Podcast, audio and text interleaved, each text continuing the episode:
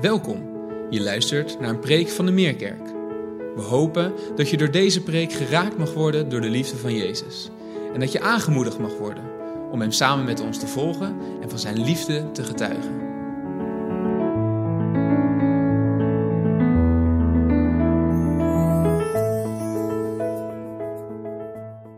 Goedemorgen. Wat een mooi verhaal van Tunji. Als je iets wil, niet moeilijk. Wat bijzonder. We gaan eh, vandaag nadenken over de zevende zaligspreking uit de bergreden. En eh, we zullen zien ook dat het verhaal van Tunji ook hier en daar wat terugkomt in datgene wat we zullen delen vandaag. Maar zoals we dat vaker hebben gedaan, zoals ik het vaker heb gedaan, als we het spreken over de zaligsprekingen over de bergreden, is het misschien goed om weer de context te schetsen van de bergreden. Het is geschreven voor een Joods publiek. Dat was de doelgroep die de schrijver voor ogen had. En dat is belangrijk om te weten. Dat is namelijk de groep die de Eerste Testament, het Eerste Testament, het Oude Testament, het Tenach heel goed kende. Zij hebben daar gelezen over de vele keren dat God iets heel bijzonders heeft gedaan. Juist in situaties dat iemand de berg opging. Daar op een berg was het vaak dat de hemel de aarde raakte. En ze kennen de voorbeelden vanuit de Tenach van Abraham, van Jacob, van Mozes en van Elia. Allemaal bijzondere gebeurtenissen waar de hemel de aarde raakte. En hier, dit Joodse publiek, deze Joodse doelgroep, leest dus over Jezus als de Zoon van God, dat hij de berg op gaat. Om zijn leerlingen te onderrichten. En het is precies daar waar Jezus de berg op gaat, waar ook de hemel de aarde raakte. Toen, en ik hoop ook nu nog steeds vandaag de dag. En als Jezus dan daar de berg op gaat om zijn leerlingen te onderrichten, dan zet Jezus daar met de zaligsprekingen, daar zet hij een bepaalde vorm, een bepaalde norm van geluk. Een nieuwe standaard. Een bovennatuurlijke vorm van goddelijk geluk. Nou, vandaag zijn we aangekomen in de zevende zaligspreking. En zoals we al vaker hebben gezegd, ze volgen elkaar op. Ik wil lezen uit de NBV 21 vertaling. En dan lezen we maar gewoon de bergreden, startend bij Matthäus hoofdstuk 5. En dan lees ik tot en met het vers waar we vandaag over na willen denken. Toen hij, en dat is Jezus, de mensenmassa zag, ging hij de berg op. Daar ging hij zitten met zijn leerlingen om zich heen. Hij nam het woord en onderrichtte hen. Gelukkig wie nederig van hart zijn, want voor hen is het koninkrijk van de hemel. Gelukkig de treurende, want zij zullen getroost worden. Gelukkig de zachtmoedigen, want zij zullen de aarde bezitten. Gelukkig wie hongeren en dorsten naar de gerechtigheid, want zij zullen verzadigd worden. Gelukkig de barmhartigen, want zij zullen barmhartigheid ondervinden. Gelukkig wie zuiver van hart zijn, want zij zullen God zien. En dan het vers waar we vandaag over na willen denken. Gelukkig de vredestichters, want zij zullen kinderen van God genoemd worden. Nou, de opvolging is uiteraard, wie niet zuiver van hart is, kan onmogelijk Gods vrede verkondigen als vredestichter. Sommigen van ons die zullen vandaag hier zitten en denken, eindelijk. Hè, hè, al die zes zaligsprekingen, die zijn over mijn eigen hart gegaan, die zijn over mijn binnenste gegaan. Nu eindelijk mogen we gaan vrede stichten. We mogen in de actieve modus komen. We mogen eindelijk gaan doen. We hebben een tijd gehad van reflectie. We hebben een tijd gehad van berouw. We hebben een tijd gehad van bekering van ons eigen falen en het missen van ons doel. En eindelijk, we worden actief. We gaan doen. We gaan de wijde wereld in om vrede te stichten. Helaas. We gaan inderdaad de wijde wereld in om vrede te stichten. Maar ook deze zaligspreking gaat in eerste instantie om ons eigen hart. Misschien had je wel verwacht dat we vandaag een soort evangelisatiestappenplan mee zouden, krijgen, mee zouden krijgen om onze eigen buren uit te nodigen, onze collega's, onze vrienden, onze familie. Om eindelijk hun te overtuigen van, joh, Jezus leeft echt. Maar helaas geen evangelisatiestappenplan vandaag. Misschien had je wel verwacht dat je eindelijk handreikingen zou krijgen om naar de uiteinden van de wereld te gaan. Om daar te promoveren als christelijke vredestichter. Op wereldniveau zelfs. Helaas, ook dat is niet wat we vandaag gaan doen. Eén ding is wel zeker. Dat als we het gaan hebben over vredestichten, en misschien heb je dit Bijbelvers wel gelezen voordat we vandaag naar de kerk zijn gegaan. Eén ding is wel zeker, als we dat woord horen, vredestichter, en we kijken naar het nieuws, wat er vandaag de dag in de wereld gebeurt, wat er vandaag de dag in ons eigen Nederland gebeurt, dan is dat wel wat de wereld nodig heeft. Mensen die vrede stichten. Want als we kijken naar de wereld waarin we leven en we hoeven alleen maar onze nieuwsapp te openen, dan zien we dat vrede ontbreekt. Vrede ontbreekt. Er is onrust, er is onvrede, er is oneerlijke verdeling en er is veel haat. En in een tijd als deze zien we dat mensen de straat op gaan om te protesteren en te demonstreren. We zien christenen de straat op gaan. We zien christenen ook allerlei pogingen doen om hun eigen standpunten op maatschappelijk gebied, op wereldsgebied, op religieus gebied, om die te delen, om de rest te overtuigen van hun eigen standpunten. We doen allerlei pogingen om nu eindelijk een keer op te staan. En de vraag die ik mij daarbij wel eens stel. Brengen die standpunten, breng datgene wat je op straat zegt en op internet deelt. Zijn die woorden vrede stichtend? Eén ding om je maar gelijk uit die illusie te helpen. Als je al denkt dat de wereld verandert, dan is dat niet door jouw mening die je deelt, maar door het leven wat je waarin je een voorbeeld geeft. De wereld verandert door jouw voorbeeld dat je leeft en niet door de mening die jij geeft. Dus helaas, het was wel een beetje te verwachten dat ook deze zaligspreking zou gaan in eerste instantie om onszelf. Niet buiten onszelf. Dat buiten, die actie naar buiten toe, die komt wel. Zeker, daar eindigen we ook echt wel mee vandaag. De actie naar buiten toe. Maar de actie naar buiten toe is pas de laatste stap. We beginnen eerst met de actie naar binnen toe. De actie naar boven toe. En dan pas de actie naar buiten toe. En stilstaan bij dit Bijbelgedeelte over deze zaligspreking, over vredestichten in een wereld als deze, die komt wel natuurlijk als geroepen. Omdat de wereld inderdaad wel vredestichters nodig heeft. Weet je, over enkele weken dan vieren we weer kerst. En we hopen dat we dat dan weer met z'n allen zullen zingen. Hier of thuis of waar dan ook. Vrede op aarde. Dat zingen we dan weer uit volle borst. Misschien wel nadat we de straat op zijn gegaan en helemaal niet die vrede hebben getoond die je wil op aarde. Maar we zingen het straks. Vrede op aarde. Maar wat bedoelen we daar eigenlijk mee met die vrede op aarde? Met kerst denk ik dat we stilstaan bij het meest bizarre initiatief wat God ooit heeft kunnen bedenken. Namelijk zelf mens worden en in Jezus Christus naar de aarde te komen om vrede te brengen.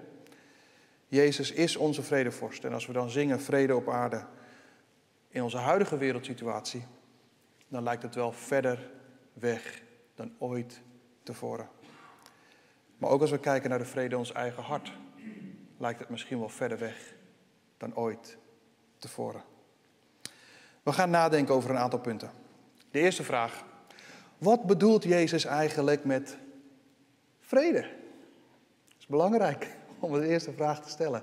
Wat bedoelt Jezus eigenlijk met vrede? Het Griekse woord arena hier, wat hier wordt gebruikt, dat is hetzelfde woord wat veel bekender is vanuit het Hebreeuws shalom. Dat herkennen we wel. En shalom betekent vredig, volledig, rust, harmonie. Sterker nog, als je in Israël of een Joods iemand tegenkomt en je zegt shalom, dan krijg je vaak shalom, shalom terug. De vrede die je hem of haar wenst, die bidden ze ook toe voor jou. Shalom, shalom. De complete vrede, volkomen vrede. En dit volkomen vrede, dat vinden we terug ook in de Bijbel. Als we kijken in het Oude Testament, in Jesaja 26, dan zien we daar wat die vrede inhoudt. Die vrede die staat ook voor harmonie, voor een samenvoeging. En die harmonie, Daar komt het neer op de juiste verhouding tussen de verschillende delen om volkomen vrede te kunnen ontvangen. En die juiste verdeling, die zien we in Jezaja 26, vers 3. Daar staat dit. Degenen die op Hem blijven vertrouwen, dat is belangrijk. Die vaak hun gedachten aan de Heer wijden, is ook belangrijk. Die zal Hij in volkomen vrede laten leven. Volkomen vrede. Shalom, shalom. Volkomen vrede. En dat is ook precies het grote verlangen en de belofte die Jezus zelf later uitspreekt. Als we het hebben over die vrede. Als we Johannes 14 lezen, daar zegt Jezus, ik laat vrede na. Shalom, laat ik na. Mijn vrede, mijn shalom geef ik jullie. Zoals de wereld die niet kan geven. En hoeveel mensen van ons streven wel niet de wereldse vrede na? We willen wereldse vrede hebben, terwijl de vrede die Jezus wil geven is een vrede die de wereld niet kan geven. En dan zegt Jezus in hoofdstuk 14 eh, van Johannes: Maak je dus niet ongerust en verlies de moed niet. Want, en dan gaan we door naar Paulus, want in Filippenzen 4, vers 6 en 7 staat: Wees over niets bezorgd. Maar vraag in alle omstandigheden aan God wat je nodig hebt. En dank hem in al je gebeden. Dan zal de vrede, de shalom van God, die, zal, die alle verstand te boven gaat, die zal je hart en je gedachten in Christus Jezus bewaren. Dat is de vrede waar Jezus het over heeft. En deze shalom, dat kan niet anders dan dat die start van binnen. We moeten eerst onszelf reflecteren, ook hier weer. Om de shalom, de vrede van binnen te ontvangen en ervaren. En als we dus hier spreken over vredestichters, dan zegt dat in eerste instantie iets over je identiteit en niet over je activiteit. Dat is een hele belangrijke. Als Jezus spreekt over vredestichters, dan spreekt hij in eerste instantie over je identiteit en niet over je activiteit. Het start van binnen, dan naar boven en dan naar buiten. Die drie stappen zijn zo ontzettend belangrijk. Het start van binnen, het erkennen dat je faalt in het leven. Remy hebben we daar vorige week over horen spreken.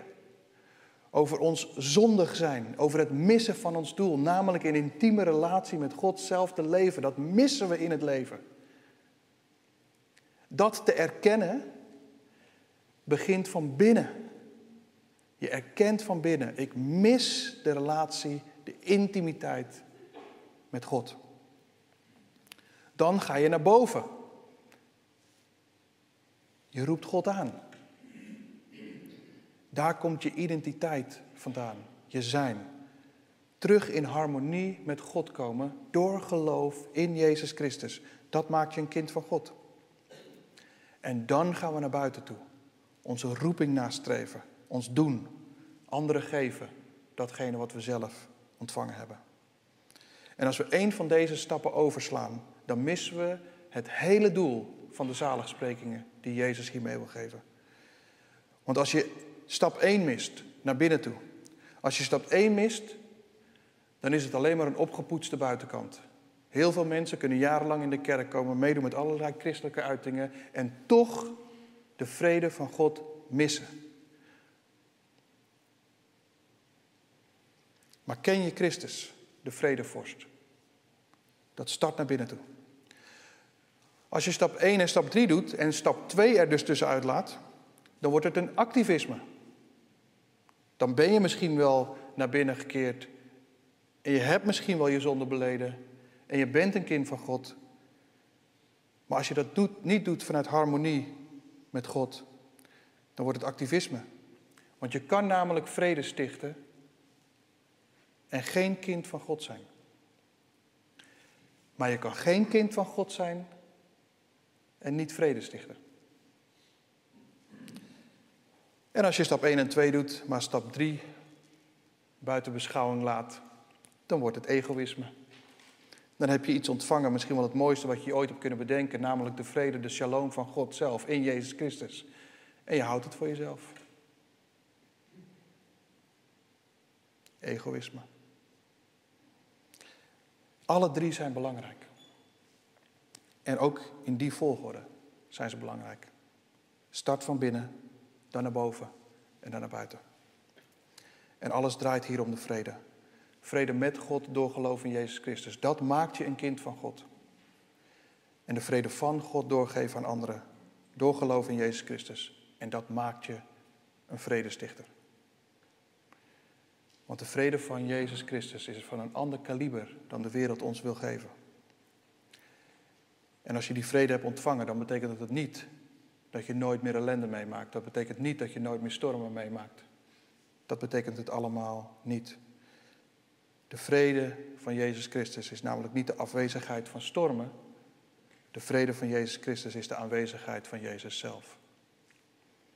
Zijn kracht, zijn troost, zijn rust, zijn liefde, zijn vrede. Weet je, er is een schilderij wat ons misschien wel helpt om te doen beseffen dat een leven in navolging van Jezus Christus niet per definitie betekent dat er geen stormen meer zijn in het leven. Het is een heel bekend schilderij, een schilderij van Rembrandt met de titel Storm op het meer van Galilea. En we hebben een foto van het schilderij meegenomen. Het is misschien niet zo heel erg duidelijk, maar het laat wel zien dat dit, dat dit het beeld is wat Rembrandt wilde schetsen. Storm op het meer van Galilea. We kennen het verhaal misschien wel uit Marcus hoofdstuk 4 waarin de leerlingen aan boord zitten. En het begint te stormen en de golven die beuken tegen de boot aan en de water komt in de boot en Jezus ligt te slapen. Hij doet niets. Nou, zo kan het ook zijn voor ons. Jezus is wel aan boord van ons leven. Jezus is aan boord van onze boot. Neem niet weg dat de stormen soms zo heftig tekeer kunnen gaan die tegen ons leven aanslaan. Dus de vrede die Jezus geeft is niet de afwezigheid van ellende en storm. De vrede die Jezus geeft is de aanwezigheid van Hemzelf in je leven, dwars door alle stormen heen. En het schilderij wat Rembrandt schilderde, schildert eigenlijk twee stormen. Hij schildert inderdaad de storm van buitenaf die op de boot inslaat, de zichtbare storm. Maar het schilderij vertelt ook iets over de onzichtbare storm. De storm van ons eigen hart, waar het ook zo tekeer kan gaan in ons eigen leven, in ons eigen hart. Als je goed kijkt naar die schilderij en als je het schilderij kent, dan weet je dat ook, dat Rembrandt zichzelf ook heeft getekend in dat schilderij. Rembrandt, die kon zich identificeren met de storm op het meer. Hij was deel van dat verhaal. Ook hij zat aan boord van de boot. En als je het verhaal van Rembrandt kent, wonend in Leiden, vaak naar Amsterdam en in de tijd ging dat per boot over het Haarlemmermeer. Gewoon hier. En het Haarlemmermeer, waar vroeger ook hevige stormen op kunnen woeden, had als bijnaam de waterwolf. Ook dat kennen we misschien wel als je richting Aalsmeer rijdt. De waterwolf was een bijnaam van Haarlemmermeer, omdat het zo tekeer kon gaan. En als Rembrandt dat misschien wel heeft ervaren in zijn reis van Leiden naar Amsterdam, over het Haarlemmermeer, dan wordt het ineens deel van zichzelf. Letterlijk de storm mee kunnen maken. En tegelijkertijd zichzelf tekenend zichzelf kunnen identificeren met de leerlingen van Jezus Christus zelf aan boord van een boot waarin het zo tekeer kan gaan. Ook in je eigen leven, ook in je eigen hart. Rembrandt tekende ook de onzichtbare storm van zijn eigen hart. En de zichtbare stormen, die zien we. En de onzichtbare stormen, misschien vaak niet. In ons hart kan het soms flink tekeer gaan. In ons leven kan het soms flink tekeer gaan. Zelfs wanneer Jezus aan boord is van jouw leven. Ik denk als wij zelf het talent hadden van Rembrandt om te kunnen tekenen en te schilderen. En misschien wij zelf wel geïnspireerd waren door het verhaal uit Marcus 4. Dan denk ik dat ieder van ons hier in deze zaal en ieder van ons thuis zichzelf ook had kunnen tekenen in deze boot. Omdat we zelf ook weten wat het is om een storm mee te maken in ons leven. En we kennen die stormen misschien wel. Het gemis van een geliefde, ziekte, misschien wel zorgen over je financiën, over je huwelijk, over je kinderen, over je werk, over de kerk. Misschien wel de zorg over de ontwikkeling en de besluiten rondom het hele coronabeleid. Terugkerende verslavingen. Geloofstwijfel. Zomaar wat stormen in ons leven, die je misschien wel kent. Velen van ons, en misschien wel allemaal, zijn bekend met stormen in ons leven. Het kennen van diepe dalen, waarin je uiteindelijk alleen nog maar omhoog kan kijken. Waarin je alleen nog maar naar Jezus toe kan gaan. Om Jezus te zoeken en shalom, vrede, te vinden. Weet je, als ik kijk naar mijn eigen leven en de stormen die ik mee heb gemaakt in mijn leven en misschien nog wel nog steeds meemaak, dan zijn dat juist de meest bijzondere en intieme momenten geweest waarin ik God nog nooit zo dichtbij heb ervaren als in de diepste dalen van mijn leven, de zwaarste stormen, de donkerste tijden van mijn leven. Dat waren tegelijkertijd de meest mooie, intieme momenten die ik met God mocht ervaren. Daar was namelijk shalom. Daar was harmonie. Dat betekent niet dat de stormen zich afspelen in het donker. De stormen kunnen zich afspelen in daglicht. Dat is het verschil. Dat is waar Toenji over sprak. Geen stormen in het donkerte, maar stormen in de daglicht. Het daglicht van Jezus Christus zelf.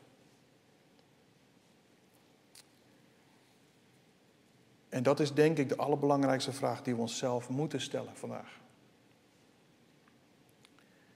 Ken jij Jezus Christus, de Zoon van de levende God? Ken je Hem als je persoonlijke Verlosser en Heer? Ken je Hem als jouw vredevorst? Ken je de vrede die alle verstand te boven gaat en die je hart en gedachten in Christus Jezus bewaren? Ken je Hem? Jezus wil aan boord komen van jouw leven en vrede brengen die de wereld niet kan geven. Pas dan willen we heel kort stilstaan bij wat het dan betekent om vredestichter te zijn naar de buitenwereld. Dit is tot nu toe, wat ik tot nu toe heb gedeeld, het aller, aller, aller, allerbelangrijkste. Nu gaan we door, oké, wat betekent dat dan voor die ander? Want als je die vrede zelf hebt ontvangen, pas dan kan je hem ook zelf doorgeven. Als je Jezus hebt aanvaard, als die redder en verlosser, dan ben je door genade en geloof een kind van God geworden. En dan komt de Heilige Geest in jou wonen. God zelf, door zijn geest, komt in jouw leven wonen. En een van de karaktereigenschappen van de Heilige Geest, als je dat leest in Galaten 5, dat is vrede. Dus vrede, goddelijke vrede, wordt deel van jouw leven. Als je Jezus hebt aanvaard als redder en verlosser. Want dan komt Gods geest in jouw leven wonen en dan is vrede als een van de karaktereigenschappen deel van jouw leven. En door de Heilige Geest geleid word je van die vrede een vredestichter. Van binnen naar boven. En dan nu gaan we kijken wat dat betekent naar buiten toe. Want dan komen we inderdaad in actie. We gaan inderdaad naar buiten toe. We gaan inderdaad vrede stichten. En het meest bijzondere Bijbelgedeelte, en ik wil een aantal punten daarvan uitlichten, die dat eigenlijk laat zien, is uit 2 Korinthe hoofdstuk 5. 2 Korinthe hoofdstuk 5, vers 14 tot en met 20. En je mag thuis, mag je hem lezen. Ik zou zeggen, doe dat ook. Maar ik wil er een aantal punten uithalen. Waar 2 Korinthe hoofdstuk 5 vers, 14, 5, vers 14 mee begint, is datgene wat ons drijft. Onze drijfveer. Het eerste vers, 2 Korinthe 5 vers 14, start namelijk... Wat ons drijft is de liefde van Christus. Dat is wat ons drijft. De liefde van Christus. Vervolgens gaat Paulus verder en zegt hij: Omdat de liefde van Christus ons drijft, beoordelen we niemand meer naar de wereldse maatstaven. Dus wij beoordelen niemand meer naar de maatstaven van deze wereld. Omdat de liefde van Christus ons drijft. Want als je dan één bent met Christus, naar binnen toe, dan ben je een nieuwe schepping. Je identiteit heb je ontvangen in Christus. En dan zegt Paulus: Dit alles is niet jouw werk, dit is het werk van God. Naar boven toe. Het komt van bovenaf. Want Hij heeft ons door geloof in Christus met zichzelf verzoend. En met deze nieuwe identiteit komt ook een nieuwe schepping en een nieuwe roeping. Mensen oproepen ook zichzelf te verzoenen met God. Naar buiten toe. Naar binnen, naar boven, naar buiten. En dat is precies de vredestichter waar Jezus over spreekt. Paulus houdt alleen maar Jezus aan. Paulus spreekt alleen maar over wat Jezus heeft verteld. Dus de vredestichter waar Jezus over spreekt, is niet iemand. De vredestichter waar Jezus over spreekt, is niet iemand die onafhankelijk boven conflicterende partijen staat. Nee. De vredestichter waar Jezus over spreekt, die heeft in eerste instantie het besef en de erkenning gegeven dat hij een eigen conflict heeft met God. Welke alleen nog maar terug in vrede kan worden gebracht door geloof in Jezus Christus. Het gaat dus in eerste instantie ook hier om onze eigen vrede met God, voordat we vredestichters worden van de wereld om ons heen. Vervolgens is de meest belangrijke les die we als vredestichters kunnen krijgen naar buiten toe, is om te leren niet te spreken. De belangrijkste les voor een vredestichter naar buiten toe is om te leren niet te spreken, maar om te luisteren. Want als we luisteren en het hart zoeken van de ander, als we als kind van God het hart zoeken van de ander en eerst luisteren voordat we spreken, dat nuanceert en corrigeert misschien wel onze eerste beoordelingen. Een vredestichter vermijdt daarmee niet de conflicten. Een vredestichter dus niet, is dus niet conflictvermijdend. Sterker nog, volgende week gaan we nadenken over vervolging.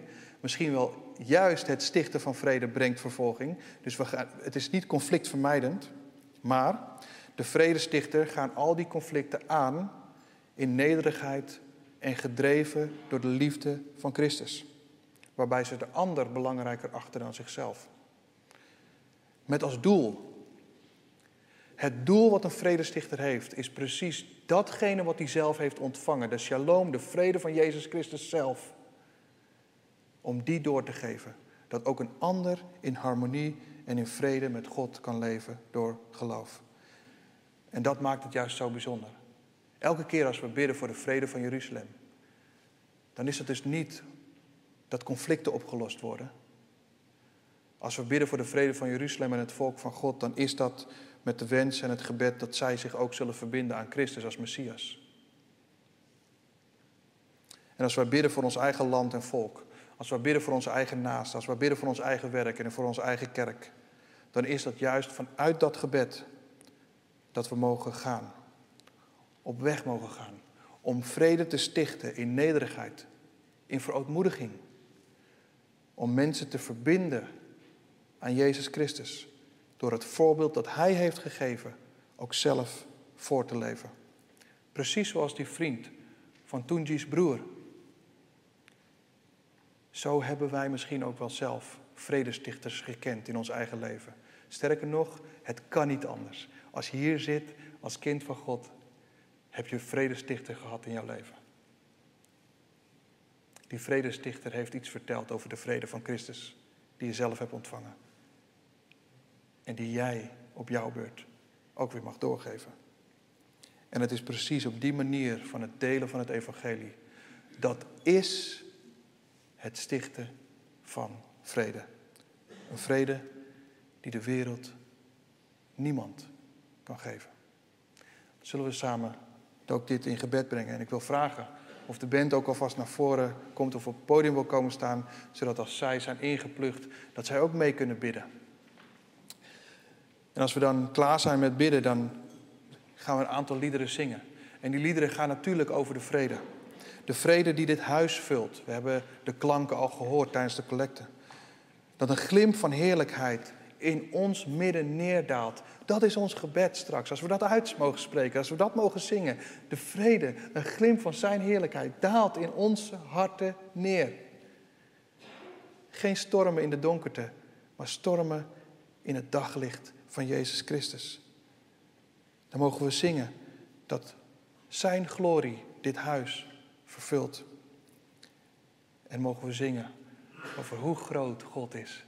Want de vrede, de shalom die God wil geven, gaat ons verstand te boven.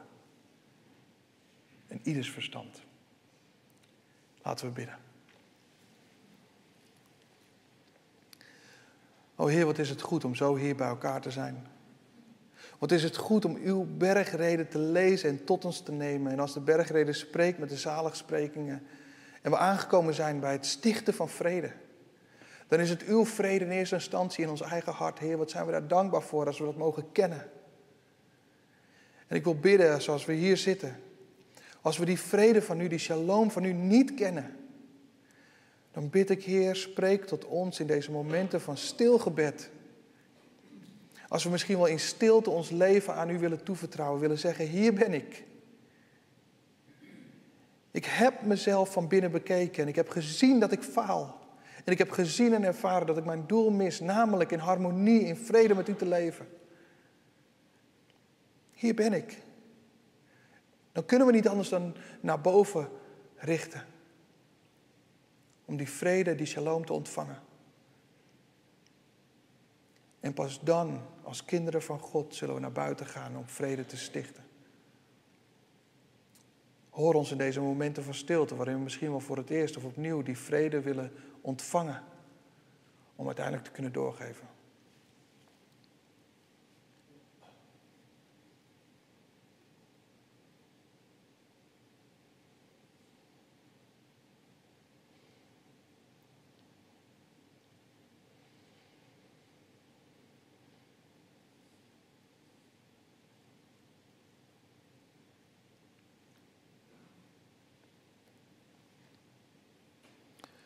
Shalom, shalom.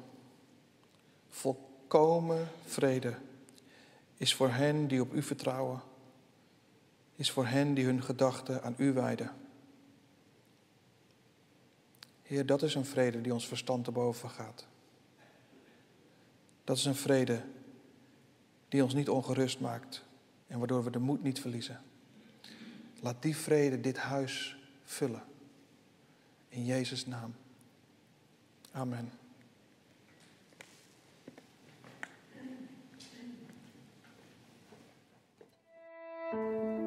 Fijn dat je hebt geluisterd. Voor meer informatie ga naar www.meerkerk.nl.